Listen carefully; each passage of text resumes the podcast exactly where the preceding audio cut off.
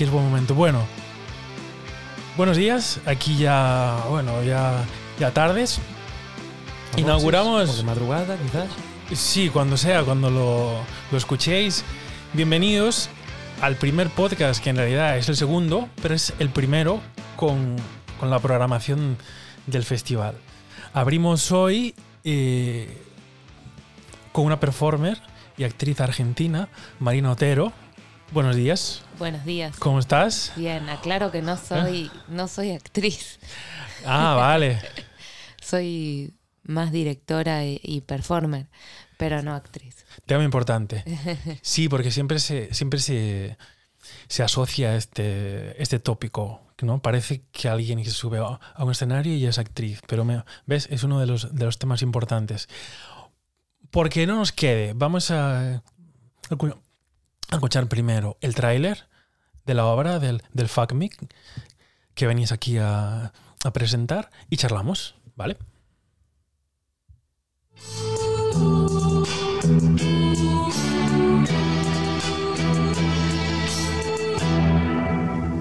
Por ese palpitar que tiene tu mirar, yo puedo presentir que tú debes sufrir, igual que sufro yo, por esta situación que nubla la razón, sin permitir pensar en que ha de concluir el drama singular que existe entre los dos.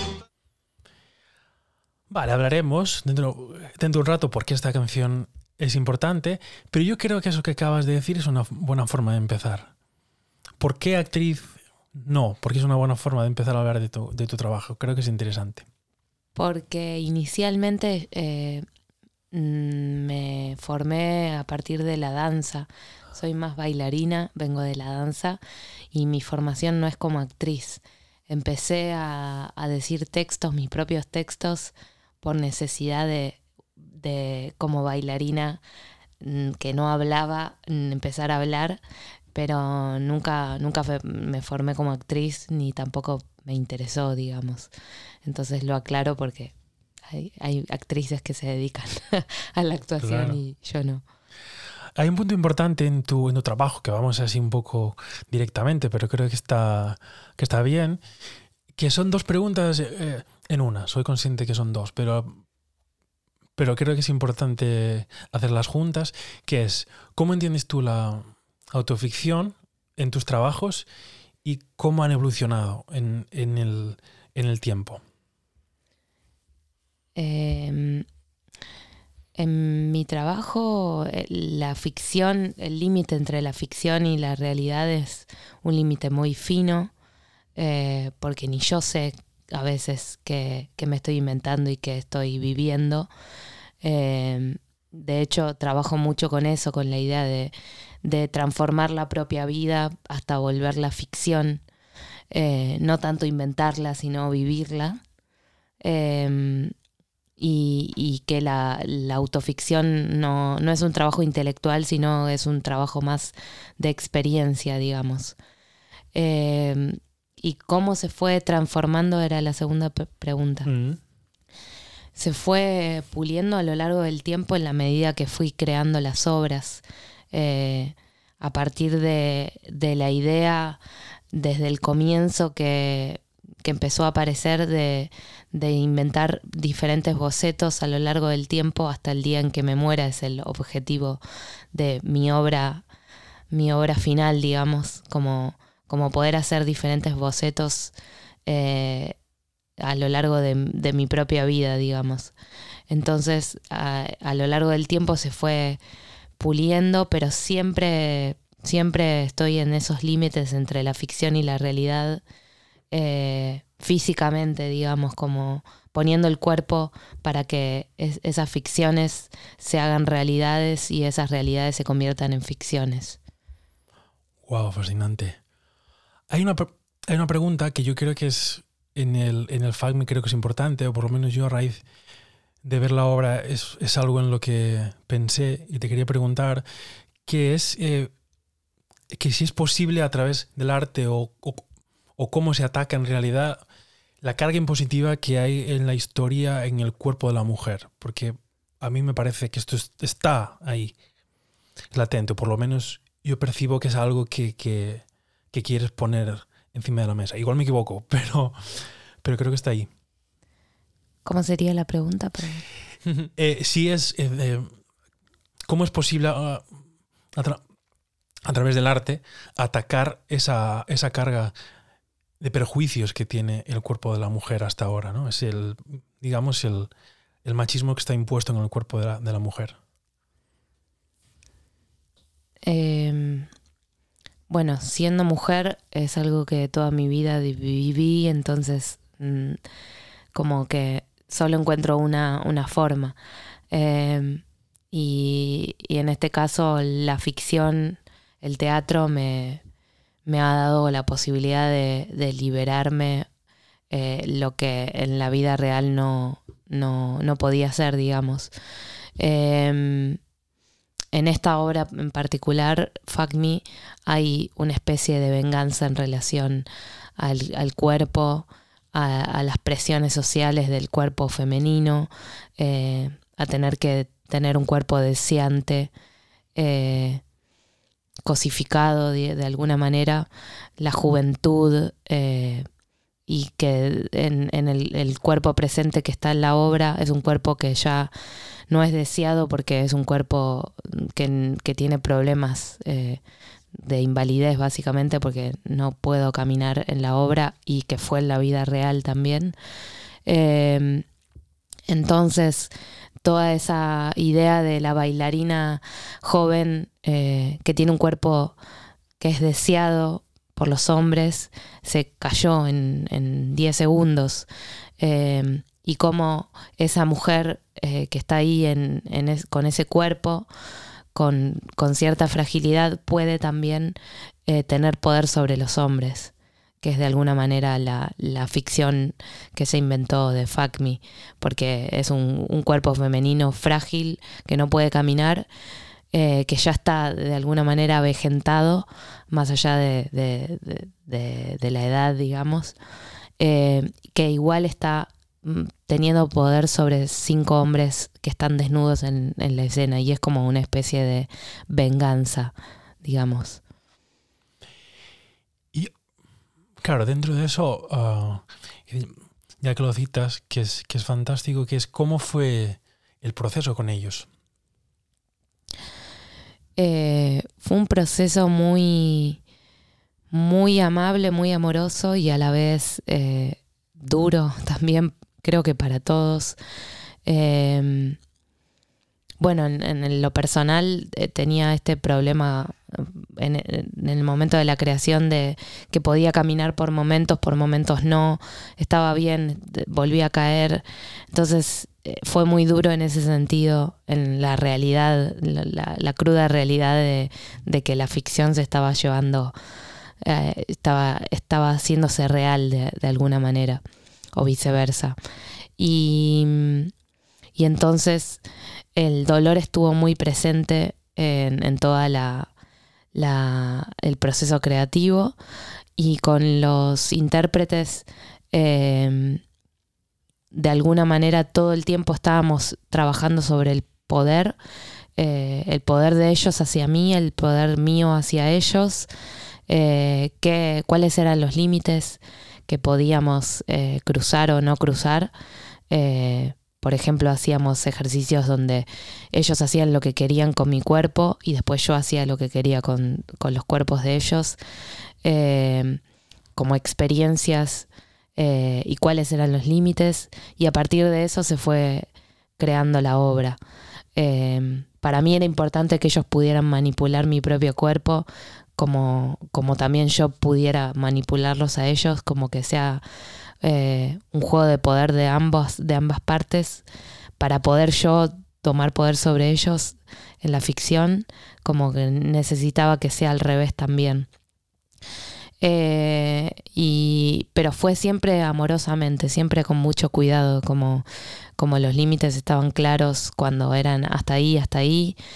Eh, y, y entonces fue un proceso atravesado por el dolor, atravesado por el cuidado. Ellos fueron muy, todo el equipo en realidad, no solo los intérpretes, como muy cuidadosos también. Eh, pero jugábamos mucho a cruzar esos límites. Claro, y había un hasta dónde, hasta dónde era.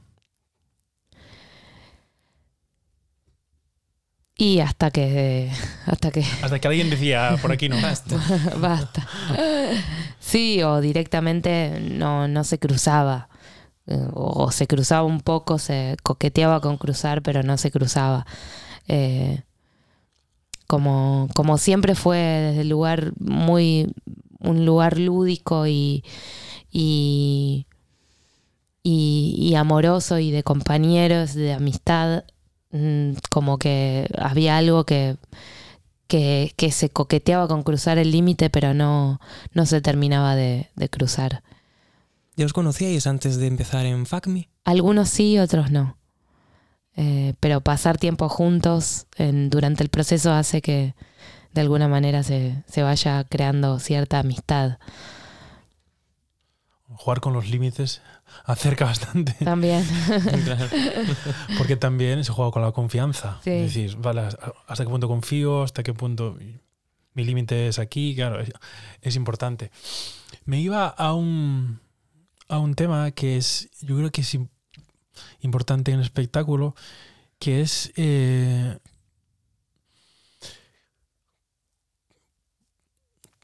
cómo decides el juego con el tono. Porque el espectáculo baila mucho precisamente, hay partes eh, más dramáticas, hay, partes más de autoparodia, hasta incluso en el, en el punto en el que dices, veis, por hacer estas cosas me ha pasado esto, que es un lugar de, de ser capaz de reírte de ti. Eh, ¿Cómo haces para, elegir las, las dosis? ¿En, qué momento ir al extremo o en qué momento decir, mira, aquí vamos a, a salir más? Es decir, ¿cómo construyes este, este viaje con el, bueno, con vosotros mismos y, y con el público? Es que el drama y la parodia van de la mano. Eh, ante tanto dramatismo no queda más que reírse de ese dramatismo. Eh, y siempre viví, siempre sufrí mucho eh, como, como cierta búsqueda de la tragedia, siempre viví la tragedia, eh, pero siempre la viví con, con gracia de alguna manera, porque cuando estoy viviendo esas tragedias eh, o cuando viví la tragedia de, del dolor, es como que había un punto donde ya no quedaba otra que reírse de las situaciones. Em, como cierta, cierto ojo externo, alguien que poder desdoblarse y mirarse desde afuera para, para observar el dolor y reírse un poco porque a veces no se puede superar el, dolor o las situaciones críticas. Entonces es como un refugio de alguna manera. Y, y creo que la obra tenía que tener ese, ese juego, si no se vuelve muy dramática, muy solemne, para mí no, no me termina de interesar. Eh, cuando creo, estoy convencida de mi dolor y, que nadie me toque el dolor, me, parece una estupidez. En cambio, dejar que el dolor se transforme en algo ridículo em, eh, y absurdo, mm, siempre me, interesa más. Entonces, mm, creo que el drama no sé, creo que el drama hay que tratarlo con, con cierta, cierto humor de alguna manera. Claro, hay un punto en este caso importante porque entiendo que para ti este, este, este proceso fue distinto, porque por lo que he visto antes estabas sola en, escena. Eh, Sí, exacto. Estaba en. Con mi primera obra estuve sola, Andrea se llamaba. Después hice recordar 30 años para vivir 65 minutos, que no estaba sola porque había dos técnicos en escena, un camarógrafo y. Y bueno, no eran técnicos, eran un camarógrafo y, alguien que hacía los videos en vivo. eh, pero eran especies de, sí, de, de técnicos ahí armando y desarmando las escenas, eh, pero digamos que sí estaba sola. Eh, y de hecho, Fuck Me iba a ser un solo. eh, y terminó siendo un, un- un grupo. Ah, claro. Eh, ¿Cuál era la pregunta? Me perdí. Eh, no, ¿cuál era mm, la diferencia entre vivir un proceso sola o acompañada? Era un poco a dónde iba, digamos. Claro. Eh, para mí, bueno, eh, estar acompañada es lo mejor que te puede pasar. Eh, la soledad, no sé, no, no me gusta, no. De hecho, no quiero hacer más trabajos en soledad. Eh, me, me gusta el intercambio que hay con las otras personas y, y- y lo que puede pasar, el feedback, eh, el intercambio. eh, digo, más allá de que, de que hay algo muy narcisista en el proyecto de, de- trabajar sobre un solo cuerpo, y en este caso es el mío, eh, hay algo ahí obsesivo de, de- de seguir la vida de una persona y, y seguir la propia vida con esta idea de desdoblarse para observarse, pero el intercambio con otras personas me sí se me hizo tan rico que, que, que ya no quiero no quiero volver a, a hacer trabajos en soledad. O sea, que puede ser que el, que el dolor que igual produjo una fractura precisamente. Una fractura en el sentido de que hay un antes y un después, ¿no? Sí. una, o una fractura en el sentido de que, vale, hasta aquí, pero a partir de ahora, claro, hay un, hay un giro. Hay, hay una pregunta un poco, un poco tópica, pero creo que puede ser interesante hablar de eso, que es, eh, ¿cuánto en tu trabajo lo llevas de casa? Digamos, los, los textos o las cosas, y cuánto hay de, de juego en el proceso de ensayos. Hay mucho de juego en el proceso de ensayos. De hecho, eh, con este trabajo con FACMI mm, escribí antes, pero no escribí tanto como durante el proceso. O sea, durante el proceso pude escribir mm, la obra. Eh, o sea, lo que había escrito antes era todo el tema de la investigación de mi abuelo militar. eh, que había trabajado en el servicio de inteligencia de la Marina durante la dictadura cívico-militar en Argentina y ese trabajo ya lo tenía bastante investigado. Eh, entonces fui con ese material a los ensayos y, y después durante el proceso eh, fui escribiendo la obra y con ellos también trabajando mucho en- desde improvisaciones. eh, bueno, en, todo, en todas las experiencias y el trabajo de investigación hasta llegar a la obra. ¿Cómo supiste que eran ellos? O sea, ¿hubo un casting o, o ya los conocías? O... Algunos los conocía eh, y algunos no. Y hice un casting, bueno, una convocatoria cerrada. O sea, Ah, Ele- específica. claro, elegí algunas personas que me habían recomendado, que, que los había, algunos los había visto en alguna obra que me habían gustado. Y entonces eh, les pedí un video que me manden un video, dos videos, y uno hablando y otro bailando. Y, y así los elegí. Elegí un grupito a este grupo. eh, y, y así empezamos a, trabajar. Buah. Hay una pregunta que sé que, claro, a mí me llama, me llama la atención y me gustaría saber qué piensas de esto, porque en las redes aparece esta asociación que es, ¿por qué piensas que te comparan con Angélica Lidl? Porque, porque yo no lo sé, sí, sé, que, sé que lo vi, que lo asocié. No digo que lo ponga en duda, ¿eh? que entiendo ese, ese, ese, ese mundo, pero claro, me interesa saber qué piensas tú de esto. No, yo la cito en la obra, quizás por eso hay una relación eh, que digo, esto diría Angélica Lidl y esto lo diría yo. Eh, hay, hay una cita ahí, un, un juego. Eh, pero la verdad que no sé por qué me comparan, porque no, o sea, como quizás hay, hay algunas obsesiones en común, eh, el dolor, eh, la autoflagelación, eh, como, sí, ciertas obsesiones, pero están trabajadas de diferentes maneras. Eh, y, y también eh, pers- somos personas muy diferentes en escena, creo. Angélica tiene una, una energía muy poderosa, muy eh, fuerte, y yo soy más, eh, como más frágil, me, me da la impresión. No sé, capaz. Eh, Puede ser, claro. pero, pero no, no sé, porque a veces, muchas veces, somos dos mujeres, no sé, como con esas obsesiones. La muerte, la autoflagelación, el dolor, eh, eh, el suicidio, como hay obsesiones que están ahí eh, dando vueltas, quizás.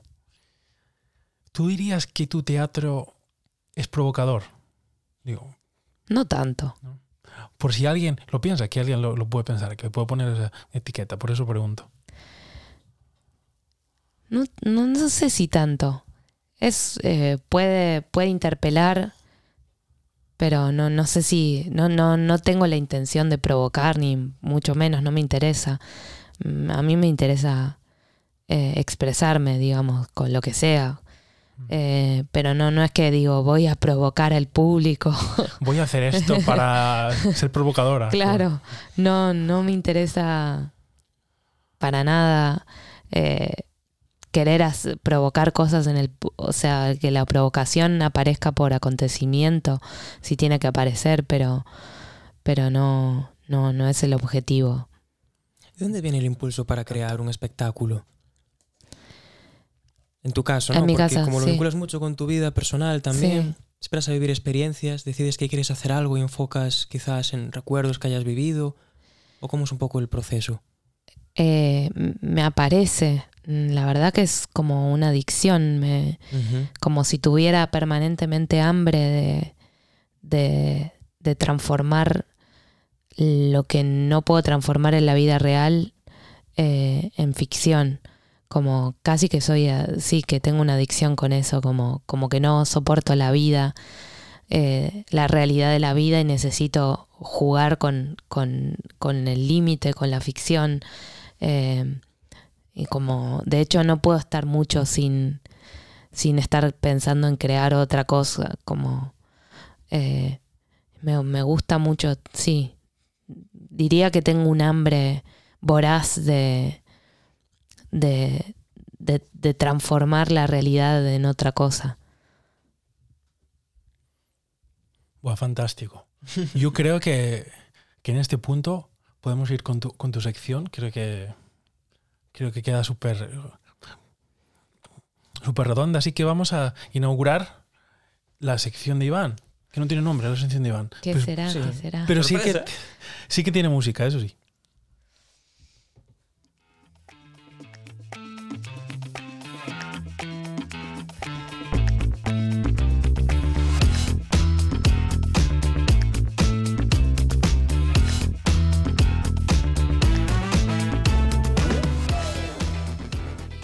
Muy bien, pues entonces estamos aquí con Marina Otero, que en FACMI juegas mucho con la autoficción, de tal forma que el espectador no es plenamente consciente de lo que es verdad o, quizás ficción, de lo que estás contando, y por ese motivo he preparado un concurso que se llama...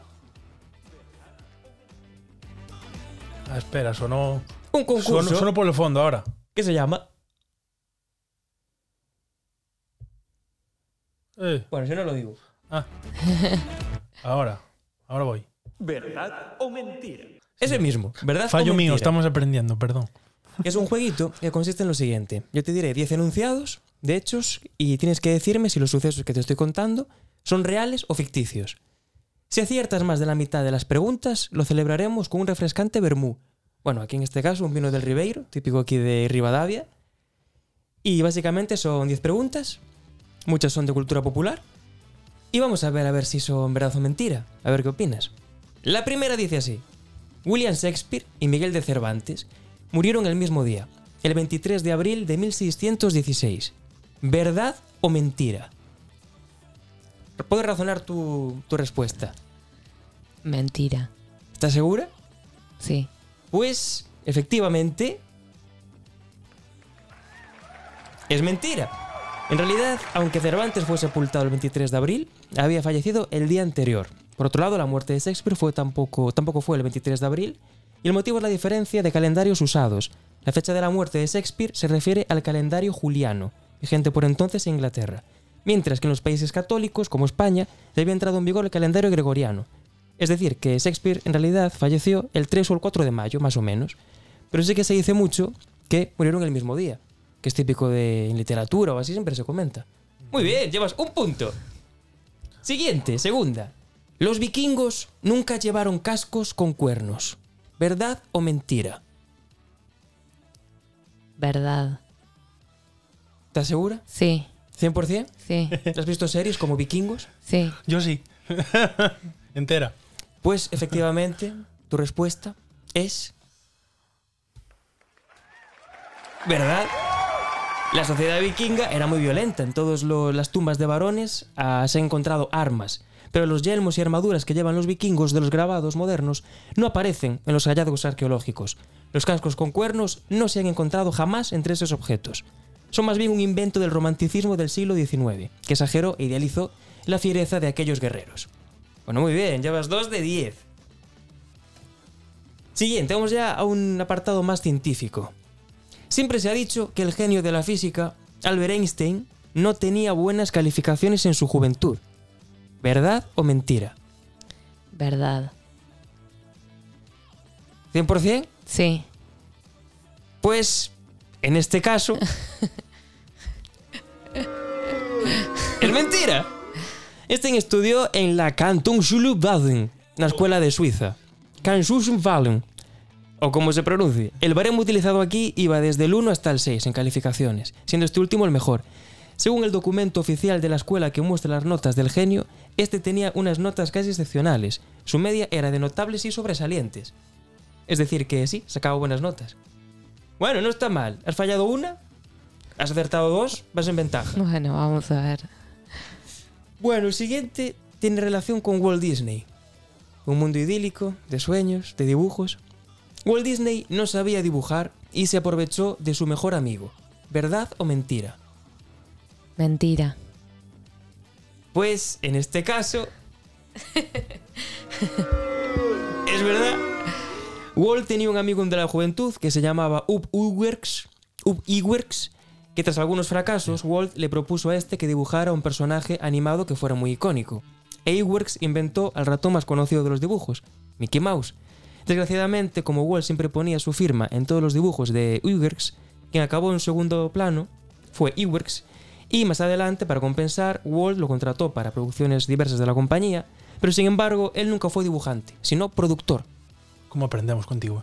Hombre, esta parte es más de ciencia que otra cosa. ¿eh? Aquí- Bueno, vas empatada, ¿eh? Has acertado dos, has fallado dos. Empatada contigo misma. Soy mala, siempre pierdo, así que. No, pero muy bien, porque las primeras además eran como muy de cultura general que la gente se pensaba, pero las has acertado. O sea que vamos con otra que es bastante conocida también, ahora ya del mundo del arte. Otro artista que está también bastante vinculado con lo que es su vida personal, ya que él siempre pintaba y bueno, se reflejaba en su obra, que es Vincent Van Gogh. Y se dice que conservó sus dos orejas hasta el final de sus días. ¿Es verdad o mentira? Mentira. ¿Segura? Sí. Famosa imagen de Van Gogh que está ahí como vendado, dicen que se cortó. Pues en este caso. Es verdad. Pero es verdad que la conservó. O sea que has fallado. Ah, Dale otra. Ah, vale. Pero es cierto que se cortó. sí. Es de cultura popular la historia de que él pues se mutiló una oreja para dársela a una prostituta en un burdel. No obstante, el Museo Gogh de Ámsterdam tiene una evidencia epistolar que lo desmiente. Una carta de su amigo Paul Signac en la que comenta que el pintor solo se cortó el lóbulo.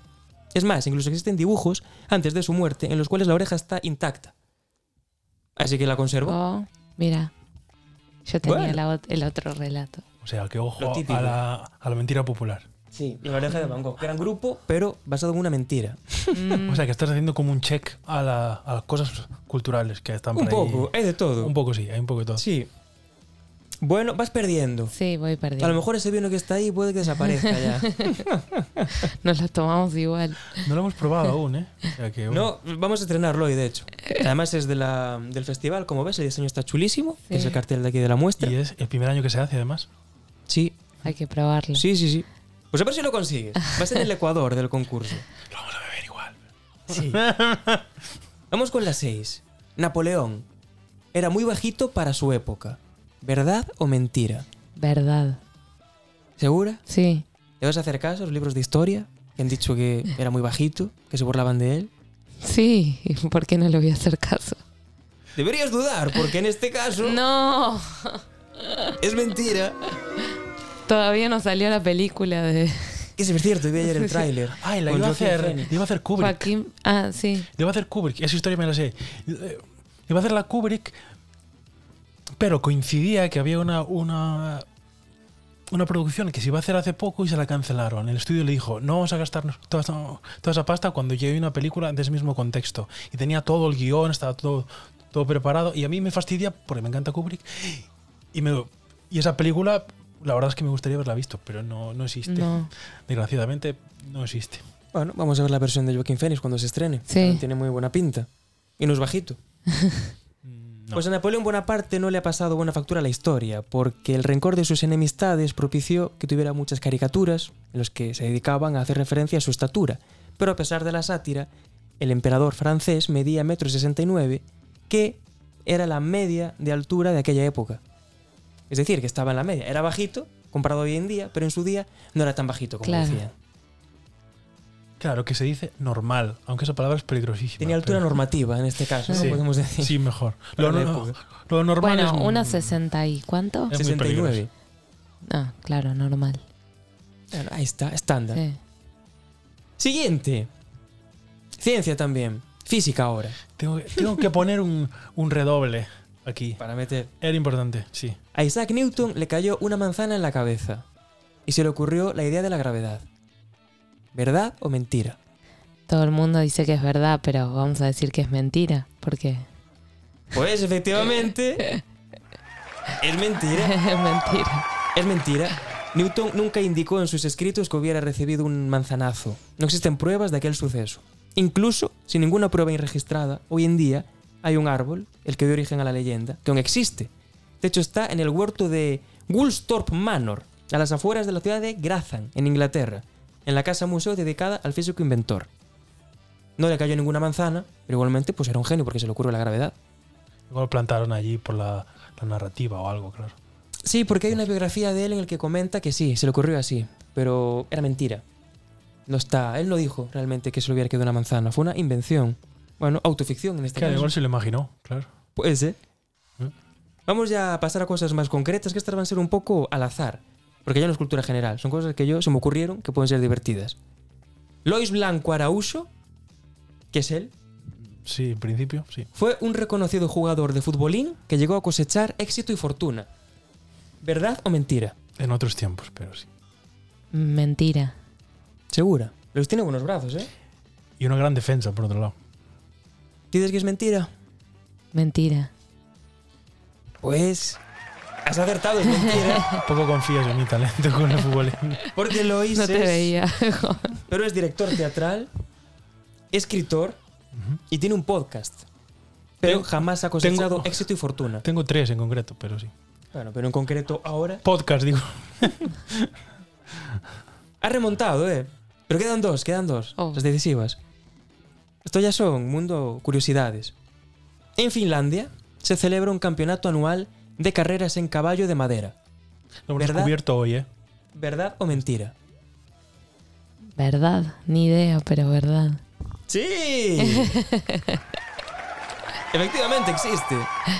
Los Sonaba. participantes de esta competición llamada Hobby Horse imitan una carrera hípica con los típicos obstáculos que tienen para superar con los caballos, pero son humanos quienes se ponen a saltar sobre las barreras que hay montadas. Sistema que en Finlandia hay como 10.000 jóvenes que practican esta actividad. Los vídeos son muy divertidos, porque parecen muy absurdos. Están como, como jugando y tienen que saltar. Los vídeos son muy absurdos. No sabes si eso es en serio o no. no Quiero verlo. No, es oficial. Y de hecho está bien, porque habían comentado que incluso ayuda mucho a las chicas jóvenes a, a trabajar problemas personales de ansiedad y depresión, porque es una práctica, bueno, muy divertida. Mira. Claro, saltan, juegan, se liberan. claro. Sí, sí. Y es un campeonato pues, nacional ya. Saltan vallas también. Es Igual que los caballos, pero ellos mismos. con menos altura, eso sí, ¿eh? No los ponen a altura. Ah. Está, le ponen, hay hay como unas reglas más bajas, pero sí. Están, Bueno. los vídeos por ahí, es- son fantásticos. Vamos con la última. Yo La creo que ya has ganado, porque realmente ya fueron más acertadas que falladas. Pero vamos por la matrícula de honor. ¿Y qué pasa si empate?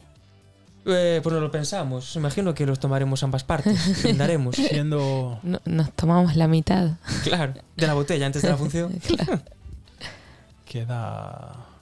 Bueno, lo pasamos después. Sí. Sí. Bueno, pues sin salir de Finlandia. También en Finlandia se celebra otro campeonato, pero esta vez de lanzamiento de teléfonos móviles. ¿Verdad o mentira? Mentira. ¿Segura? Sí. Mira que Finlandia está un poco locos, ¿eh? Porque ya tienen lo de los caballos. Un teléfono móvil. En este caso digo que es mentira. Pues en este caso. Es verdad. Empate, verdad. empate. Sí, sí, sí. El Mobile Throwing Phone es un campeonato internacional que se lleva celebrando desde el año 2000. Lleva 23 años ya. La competición tiene como objetivo liberar el estrés que los dispositivos ocasionan a, a las personas, en este caso los teléfonos móviles. El récord del mundo lo ostenta Dries Feremans, quien lanzó su teléfono hasta llegar a los 110,42 metros.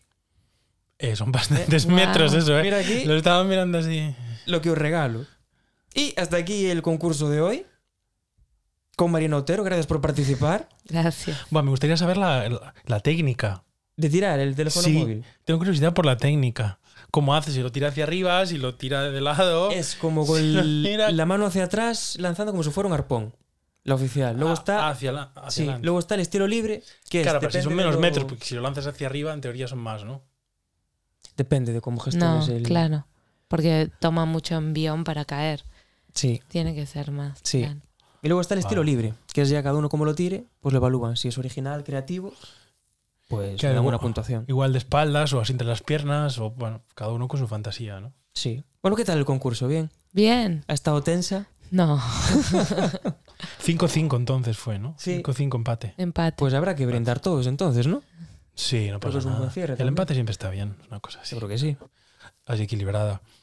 Entonces, estas cosas son curiosas que, que la gente va a escuchar después de la función, pero claro, aquí aún la vas a hacer. Vamos a Mm. desearte lo mejor. Aquí el público es muy, es muy cariñoso, está muy acostumbrado además a ver todo tipo de teatros y que en eso no, no pasa nada. Eh, un placer que hayas estado con nosotros y conocerte un poco más. Inaugurar, estábamos un poco nerviosos por el primer día, pero bueno, todo bien. Luego ya va a ir todo, todo rodado con, con aquí con la máquina y, y los efectos y eso. Y un placer. Un placer, gracias. Muchas gracias por todo. Sí, nos vemos en el, eh, en el siguiente y lanzamos la música y nos vamos a tomar un vino. Que esto es, Lanzamos el celular. Es lo más importante. sí, cada uno el suyo aquí contra las, paredes de, de, Rivadavia y ya está. Nos liberamos en ese sentido. Vamos allá.